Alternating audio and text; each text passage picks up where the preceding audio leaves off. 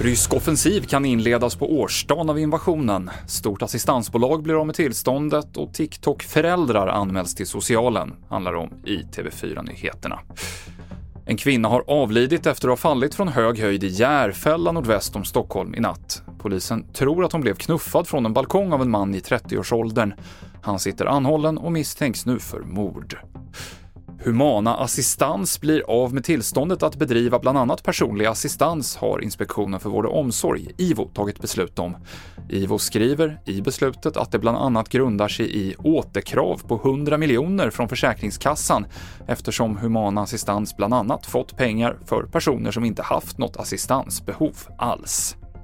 Det kommer in allt fler orosanmälningar till socialtjänsten från personer som sett på sociala medier att barn far illa. Det kom till exempel 300 anmälningar mot en mamma som la ut innehåll på TikTok där hon pratade om hur missnöjd hon var med att vara förälder. Hon har nu för tillfället förlorat umgänget med sina barn. Det här rapporterar P3 Nyheter. Och allt fler rapporter flaggar för en ny rysk offensiv i Donbass i östra Ukraina de kommande månaderna kan inledas på årsdagen av invasionen den 24 februari. Men överstelöjtnant Peter Lidén tror inte att den här offensiven kommer att lyckas. Jag tror inte att kraften finns. Alltså de två ställen som man nu försöker komma framåt, det rör sig om Bachmut och eh, Vuledar.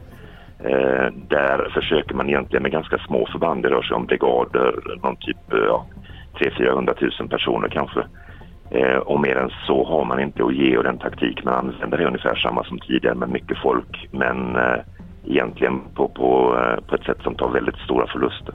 Det sa Peter Lidén. Senaste nytt om kriget i Ukraina hittar du på tv4.se. Jag heter Mikael Klintevall.